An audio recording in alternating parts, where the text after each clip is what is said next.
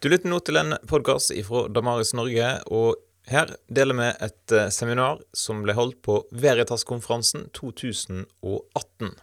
I see I'm not like the bishop who came to a little country church in England, of course. And as he mounted the pulpit with the local minister, he looked down the church and he saw that there were three old ladies, that's all, sitting at the back. And so as they went up the stairs together, the bishop said to the local minister, Did you tell them I was coming? And the minister said, No, but word seems to have got around.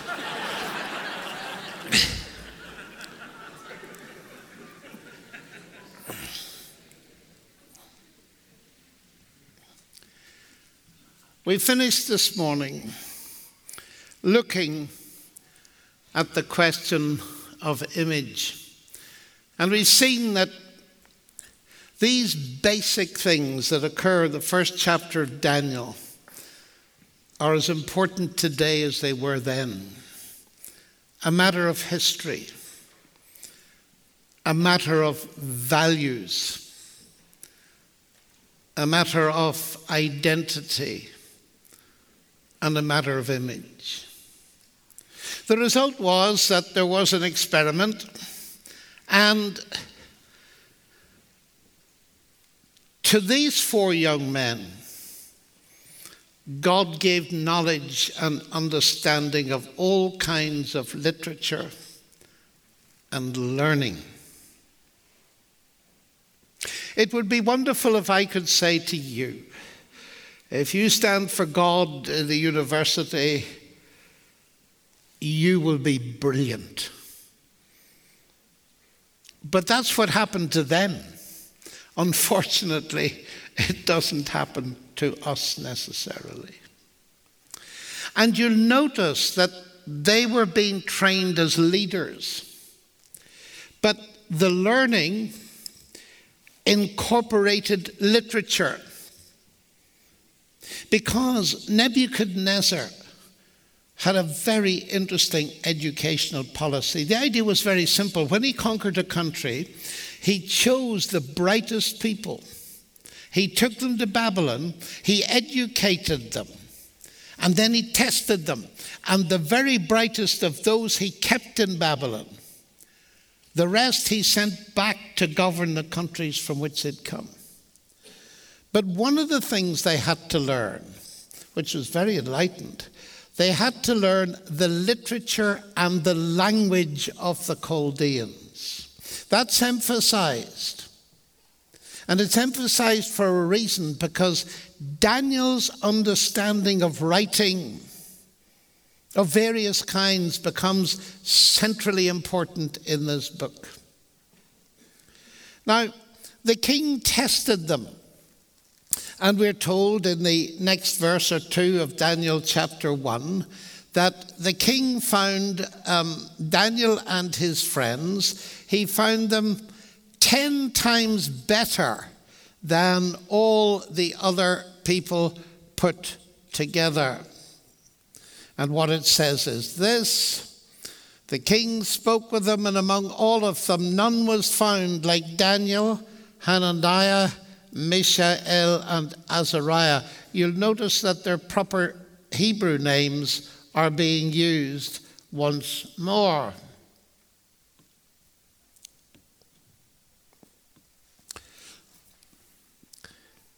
In every matter of wisdom and understanding about which the king inquired of them, he found them ten times better than all his magicians. Now, we ought to have an ear that picks up the signal. Ten times better. Better is a relative term. And we've noticed that Daniel's interested in the difference between relative and absolute. And when you think about it, a skeptic might say, so that's what it is. That's all that there is to this. Daniel trusted God and he was better than the others, just relatively more able, more impressive as a leader, and so on. Is that all there is? And the answer to that is no. And that's why Daniel doesn't stop with chapter 1. Because the next chapter is going to focus on this question of what actually is the difference. Whether you believe in the God of the Bible or not. Is it just that you're better? Well, actually, you may not be any better. I know plenty of atheists who are much more brilliant than I am. So we need to look at this, and we're going to have a little look. We go in now into the dream world. In the second year of the reign of Nebuchadnezzar, Nebuchadnezzar had a dream. His spirit was troubled, and his sleep left him. Then the king commanded that the magicians, the enchanters, the sorcerers, and the Chaldeans be summoned to tell the king his dream. So they came in and stood before the king. The king said to them, I had a dream, and my spirit is troubled to know the dream. Then the Chaldeans said to the king in Aramaic, and here the language changes, O king, live forever. Tell your servants the dream, and we will show the interpretation. The king answered and said to the Chaldeans, The word from me is firm. If you do not make known to me the dream and its interpretation, you shall be torn limb from limb, and your houses shall be laid in ruins. But if you show the dream and its interpretation, you shall receive from me gifts and rewards and great honor. Therefore, show me the dream and its interpretation. They answered a second time and said, Let the king tell his servants the dream, and we will show its interpretation. The king answered and said, I know with certainty that you are trying to gain time because you see that the word from me is firm. If you do not make the dream known to me, there is but one sentence for you. You have agreed to speak lying and corrupt words before me till the times change. Therefore, tell me the dream, and I shall know that you can show me its interpretation. The Chaldeans answered the king and said, There is not a man on earth who can meet the king's demand. For no great and powerful king has asked such a thing of any magician or enchanter or Chaldean. The thing the king asks is difficult, and no one can show it except the gods whose dwelling is not with flesh. Because of this, the king was angry and very furious and commanded that all the wise men of Babylon be destroyed. So the decree went out, and the wise men were about to be killed, and they sought Daniel and his companions to kill them. Then Daniel replied with prudence and discretion to Arioch, the captain of the king's guard, who'd gone out to kill the wise men of Babylon. He declared to Arioch, Why is the decree of the king so urgent? And Arioch made the matter known to Daniel. And Daniel went in and requested the king to appoint him a time that he might show the interpretation to the king. Then Daniel went to his house and made the matter known to Hananiah, Mishael, and Azariah, his companions, and told them to seek mercy from God the God of heaven, concerning this mystery, so that Daniel and his companions might not be destroyed with the rest of the wise men of Babylon. Then the mystery was revealed to Daniel in a vision of the night. Then Daniel blessed the God of heaven. Daniel answered and said, Blessed be the name of God forever and ever, to whom belong wisdom and might. He changes times and seasons. He removes kings and sets up kings. He gives wisdom to the wise and knowledge to those who have understanding. He reveals deep and hidden things. He knows what's in the darkness, and the light dwells with him. To you, O God of my fathers, I give thanks and praise. For you have given me wisdom and might, and have made known to me what we asked of you. For you have made known to us the king's matter.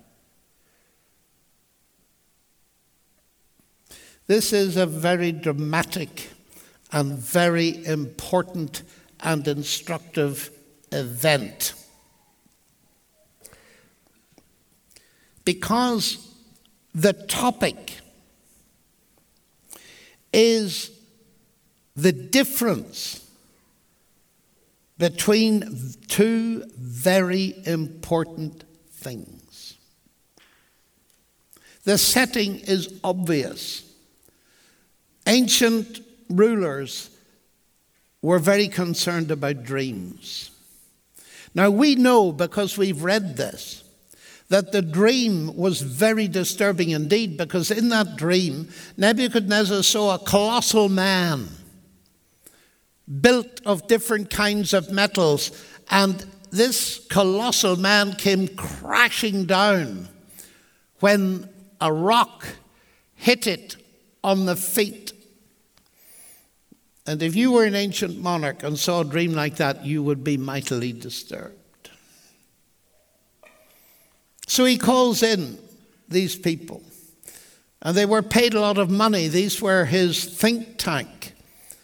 And they tried to work out all kinds of things. And these sort of people, actually, magicians, sorcerers, and all of this, are still consulted by some of the leading Western governments today. How can I know the future? People are desperate to know the future. So these men were paid a lot of money to advise the king. But now he became very clever. He calls them in and he said, I've dreamed, gentlemen. I would rather like you to tell me what the dream means. Of course, Your Majesty, we'd be delighted. Just tell us the dream, and we'll tell you. Oh, no, he says. I think I increased your pay last month. I'm going to test you as to whether you are real or bogus. So the test is going to be this you tell me what I dreamed, and then I'll have some confidence that you know the interpretation. Well, you can imagine they began to feel their necks because they feared their heads would be soon detached from those necks. But, Your Majesty, this is totally unreasonable, really. He didn't quite put it like that. But no king has ever asked anything like this. And of course, Nebuchadnezzar got utterly furious. And then they came out with it. They were caught. They said, Your Majesty, this belongs to a realm, the gods, to which we have no access. But what were they paid for? What they're saying is this we cannot probe into a world beyond, which is what they were paid for. Here are these people, wise philosophers, theologians of an ancient pagan sort, and they were naturalists. They didn't believe there was any access to a transcendental world. They're exactly, I'm afraid, like some theological faculties today and many philosophical faculties. They're naturalists. They don't believe there's any access to a world beyond. In fact, they don't believe there is a world beyond. They were men of reason. And if Nebuchadnezzar would tell them the dream, they would use their reason on it. But he wouldn't tell them. So they couldn't use the reason, and they couldn't risk guessing the dream because if they got it wrong, that was the end of them. It's a very interesting ancient test, isn't it? Why is it important? This is why it's important. One of the common, still, criticisms of the book of Daniel is that it has to be dated in the second century. Why?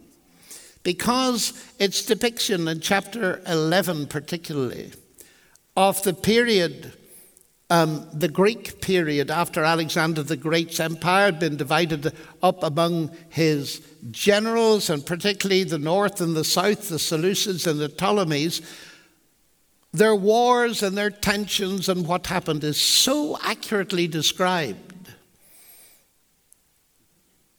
that many scholars say Daniel was written in the second century BC, after those events had happened. Why? Because he couldn't possibly have known in the sixth century BC what was going to happen in the second century BC. Why? Because there's no such thing as predictive prophecy. Why? Because this universe is dominated by naturalism. Do you know? Well, I must tell you a little story. Would you like a little story? Well, I was talking about these things many years ago in a different country to a bunch of theologians. Now, they're risky people, you know. So I was talking to these theologians about Daniel because they'd asked me to. And I could see they're getting really agitated. And they weren't liking it at all. And I could see that, of course. I can see when people don't like it if there's no smoke around. Maybe it's a good thing there is smoke. But anyway, um, I could see they were getting really cross and agitated, and I don't like that really. I'm a friendly sort. So at the end, I approached the angriest looking one in the front row. And I said, What's the matter with you? Well, he said, We're bitterly disappointed with these talks. Oh, I said, That's nice to know. Um, What's the matter? Well, he said, You're not dealing with the real problems. Oh, I said, I thought I was. I thought I was explaining what Daniel was about. He said, You're not dealing with the real problems at all. I said, What is the real problem? And he told me this problem. Oh, I said, You need a bit of patience. I thought I would wait until Daniel himself dealt with the problem. He said, What? I said, You heard me. Your problem is the question of the supernatural dimension and prophecy. Well, just wait a bit because that's the first question Daniel deals with when he comes to prophecy in chapter 2. Well, said the chap with a grumble, I wasn't taught that, and he named a famous theological university. Well, I said, that's not my problem. But I said one of the things that convinces me of the authenticity and inspiration of Daniel is that he himself deals with the problem, and here it is. And he deals with it not with a bunch of contemporary theologians, but with a bunch of ancient culture watchers and philosophers who were dominated by naturalism. It's the same issue. We don't believe that we can have access to revelation so there's these two concepts reason and revelation. And there was a lot of tension. And Daniel heard about this and he went and they formed the first student prayer meeting we know of in history. Isn't it lovely? Think of those four young students. Well, they were a bit older now. They were probably in the first grade of their work as officials, but they clearly hadn't been called in. They were very junior.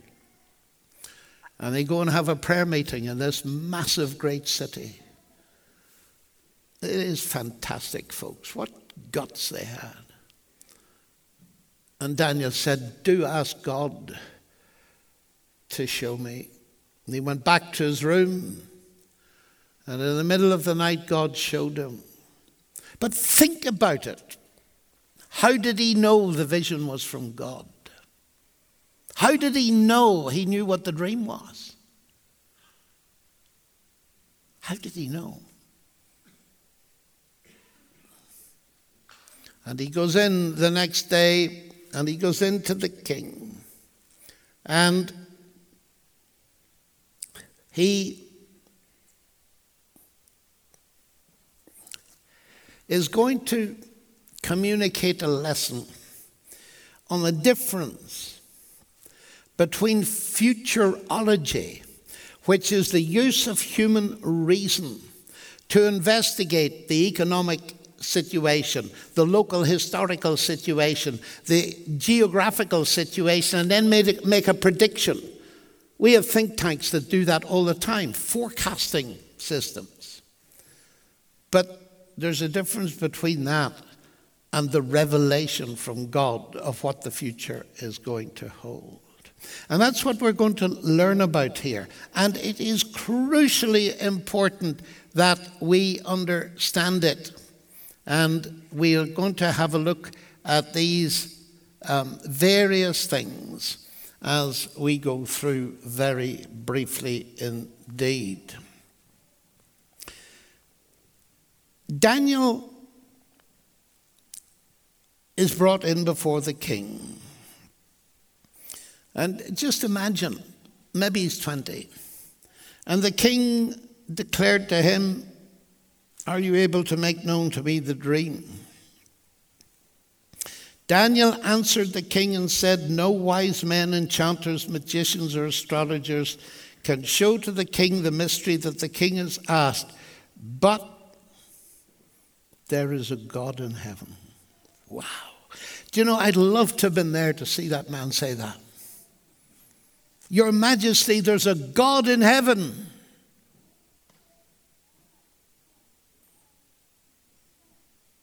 I long that some of you get that kind of opportunity. All of his life up to this split second had been a training for that. To stand before the king and say, Your experts can't do it, but there's a God in heaven, Your Majesty. And it was the beginning of a long road of partial conversion, conversion for the emperor himself. And he has made known to King Nebuchadnezzar what will be in the latter days. Your dream and the visions of your head were these as you lay in bed. And what happened was that Daniel now describes to him what he saw in his dream. You saw a great image, O king. This image, mighty and of exceeding brightness, stood before you, and its appearance was frightening.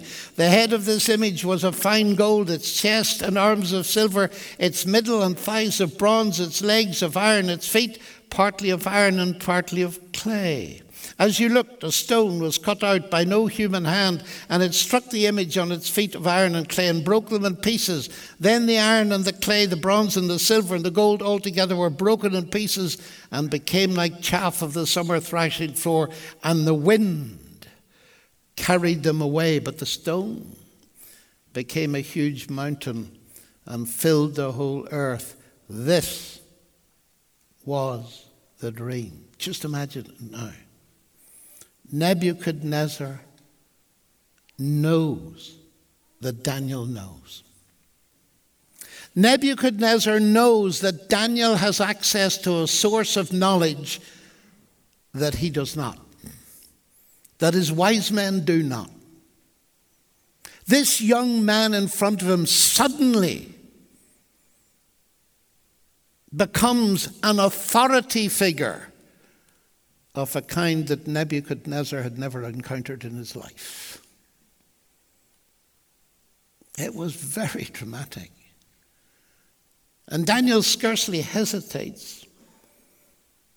And he says, Now we will tell you the king interpretation. You, O king, the king of kings, to whom the God of heaven has given the kingdom, the power, and the might, and the glory, and into whose hand he's given wherever they dwell the children of men, and so on. You are the head of gold. And after you.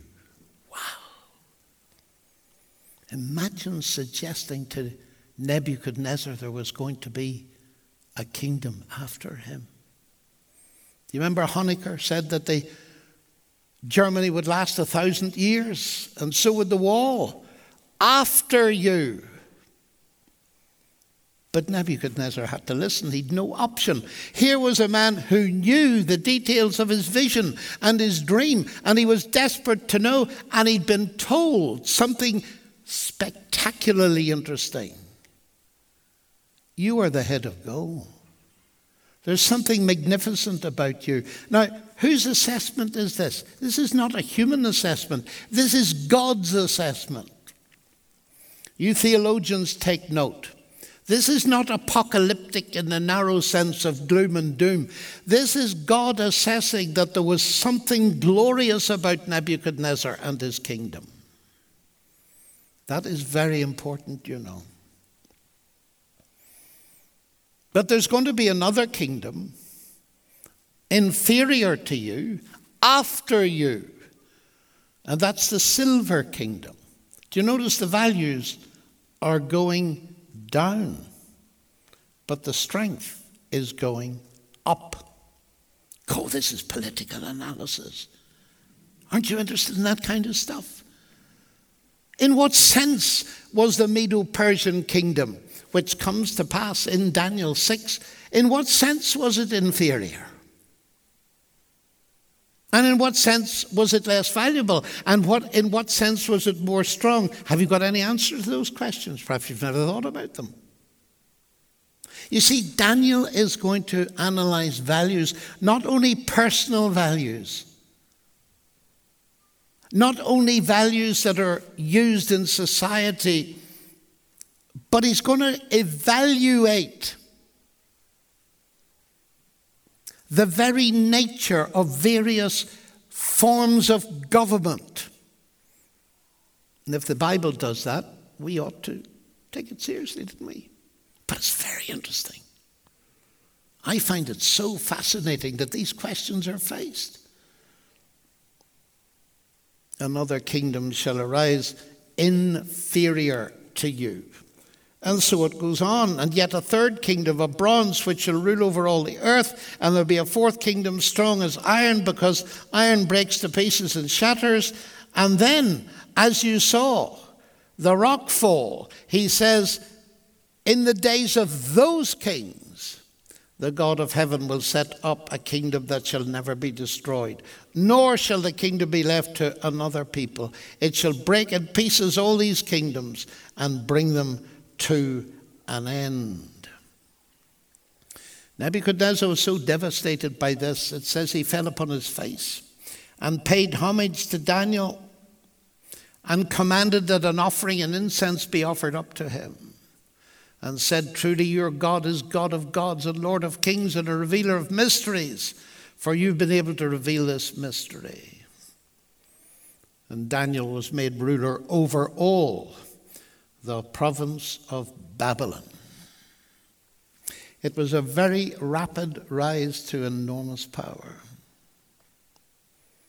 because he believed in revelation. Now, Daniel was bright, he had a very good brain, but he knew how to distinguish between revelation and reason. And I want to say just a few words about those things because there is quite a lot of confusion around the place on this particular topic. Sometimes people, I worry them. And they say, you know, the kind of stuff you do, you're reasoning about the Christian faith. And that's not very spiritual, know. You want to be trusting the Holy Spirit and God and the trouble is that if you trust your reason, that's not something you should do. That attitude, by the way, is responsible for the fact that the generation before you knows nothing about apologetics, or very little. Because there was a whole wave, theological wave, that was very skeptical about reasoning about the gospel. You can't reason somebody into the kingdom. Really? Jesus did it all the time. Paul did it all the time. I hope you're doing it all the time. Now, let me explain to you what the problem is, and it's very simple to clear up. There's a rightful fear of trusting reason instead of trusting God. That's idolatry, of course. You know, of course, that idols in the ancient world were not things that people loved so much, they were things that people trusted. And idolatry is when we trust our reason and use God when we get stuck. Christianity is when we use our reason and trust God. That's the difference. And we need to learn that because if you've had a good education, the danger is that you're going to trust your reason and use God instead of using your reason and trusting God. The same applies to all your other gifts, whether they're musical gifts, gifts of administration, gifts of leadership, gifts of teaching. It doesn't matter. We are stewards to use these things, but not to trust them. And the desperate situation in certain evangelical circles is that people are taught to trust their gifts and in some extreme cases to gain their assurance of salvation through gifts they think they may have. That isn't Christianity, that's sheer paganism. We trust God and we use our reason. That is very important, folks. And in any case, you find that Paul and everybody else, they reasoned the gospel everywhere. Of course they did. You see, let me put it this way Scripture is revelation. So when you read it, you don't use your reason. Don't be silly. Have you ever met anybody that can read the Bible without using their mind and their reason? No. But human reason didn't create the Bible. Do you see the difference? This is so crucially important. Human reason did not put the Bible there just as human reason didn't put the universe there. Scientists, some of them, you'd almost doubt them, but they didn't put the universe there either. Scientists study a given, the universe, with a given, their mind. And the same is true with Scripture. We study a given with a given, and you've got to use your reason to read Scripture. The question is not using it. The question is, do you trust it instead of God? And that clears the whole difficulty up. It's such a sad thing to me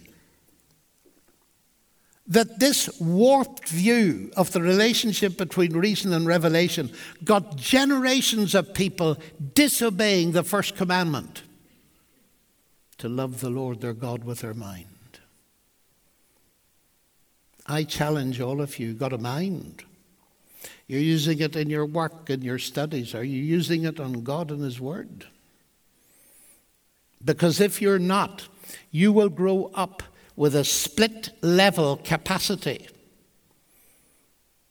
And your professional education will grow like this, and your Christian education will grow like that. And when you get out into the workplace and people start talking to you about your faith, they will notice that you haven't thought about your Christian faith.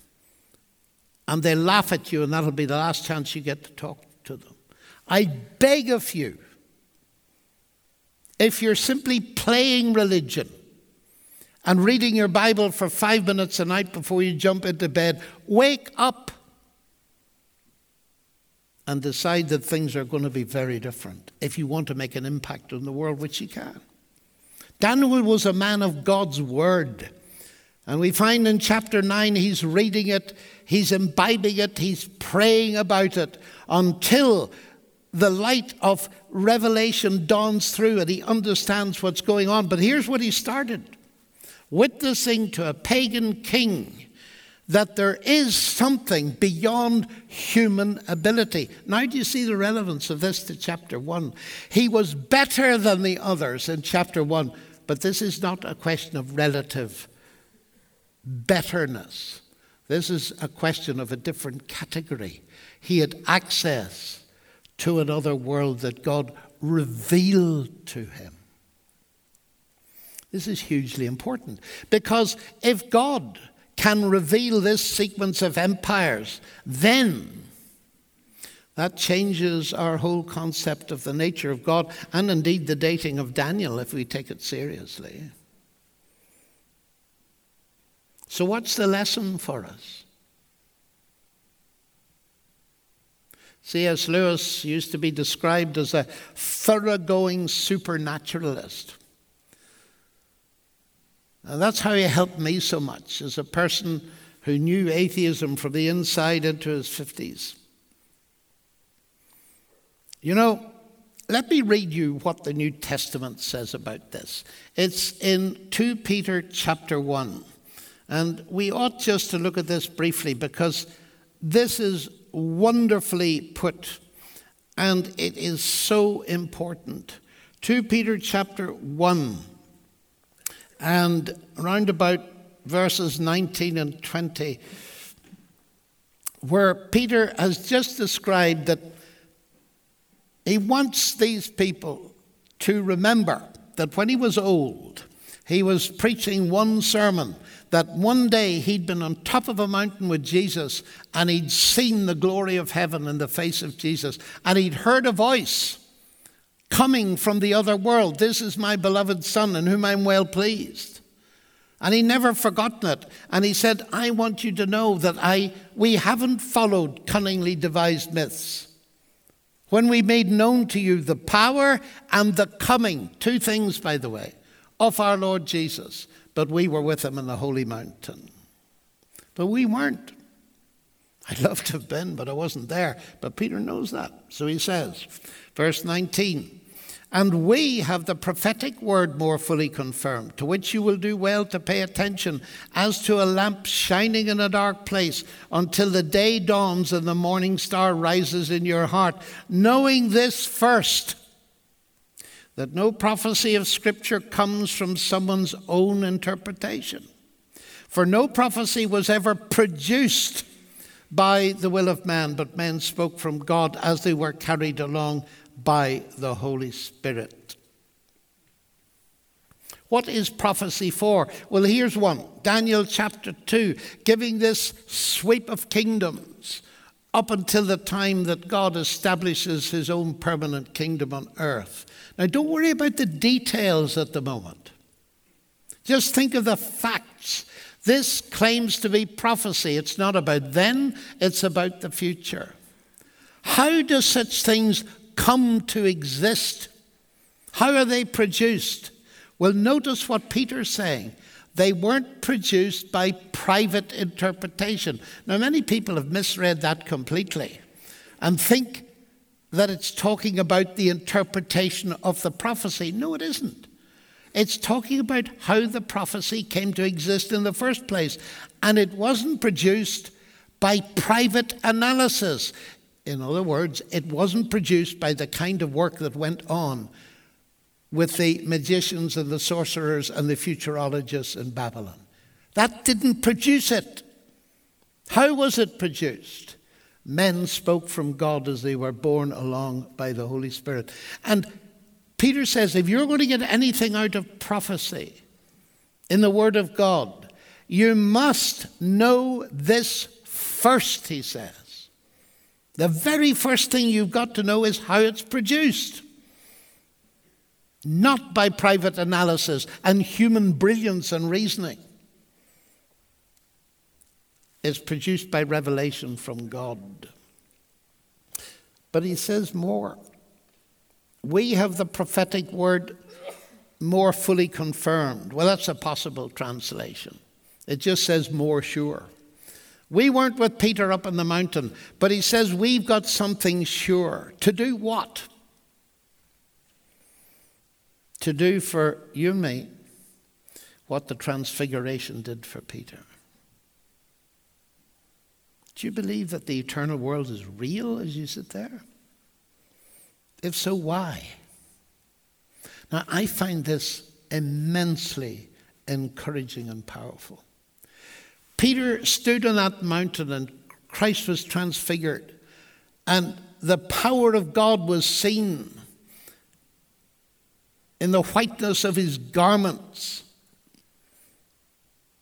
And Mark makes a curious comment. He said, No laundry on earth has the power to make garments white like that. It was a brilliant comment. It was saying, Christ's character, you don't get that produced on earth. It requires heavenly power to produce character like that. And there was Christ introducing on that mountain. Moses and Elijah appeared with him. You know, I love this. The physicist in me. Wow, isn't that interesting? Moses and Elijah, well, Moses died. Centuries before, Elijah didn't die. Elijah went straight into heaven. Do you believe that story? And here they were contemporaries with Christ. That's power. Do you think that could happen again? My dad's in glory. I loved my dad. He was a wonderful dad. He would be about 110 now. What age is my dad now? And what age will he be when I meet him in glory? Just think of the power that is going to be needed to make people who lived centuries apart contemporaries, to say nothing of the power to raise them from the dead. Do you believe that could happen? Peter was so convinced by what he saw that he came down, he wrote this letter, and he said, I want you to remember that I was there, I heard the voice, it's real. But I want it to be real for you. So you have the word of prophecy confirmed if you like, or more sure if you like. Take it both ways. The word of prophecy that is in Scripture and has been there for centuries. What is it for? It's to make eternity real for you and me. That's what it's for. And if it's not doing that for you, we better think again a little bit. You see, this can transform you. I'm going to tell you another story.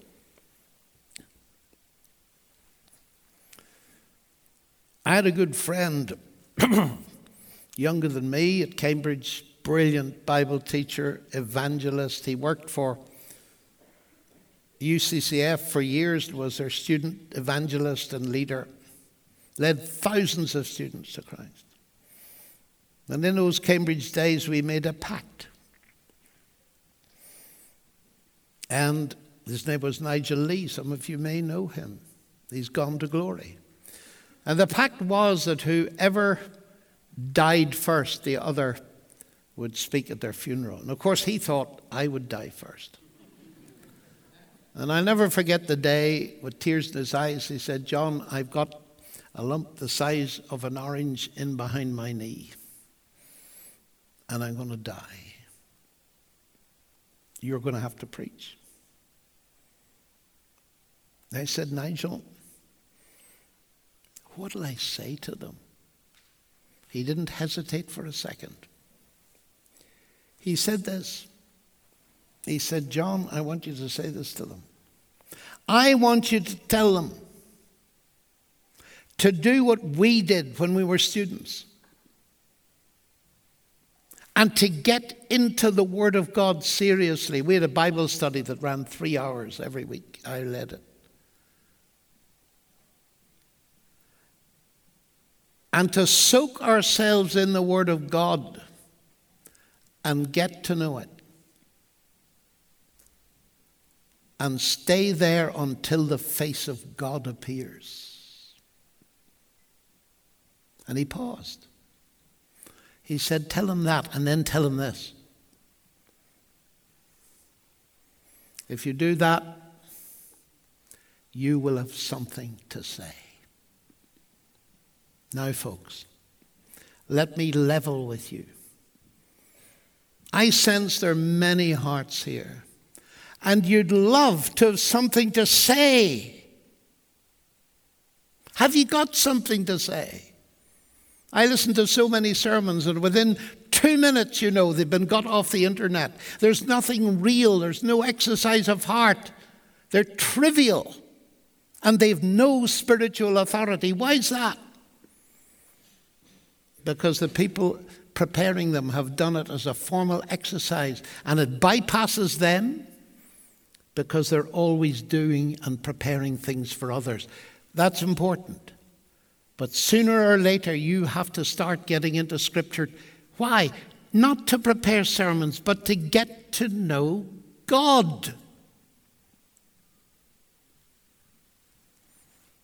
And then you'll have something to say. To wait on God to pour your mind and heart over Scripture. And like Daniel in his prayer 25 centuries ago, to wait until you've got something to say. It'll change you and it'll change all around you. Now, we haven't got very far in Daniel, you've noticed that. But that's very deliberate because they've written a book about the rest of it. but I do hope in the last couple of days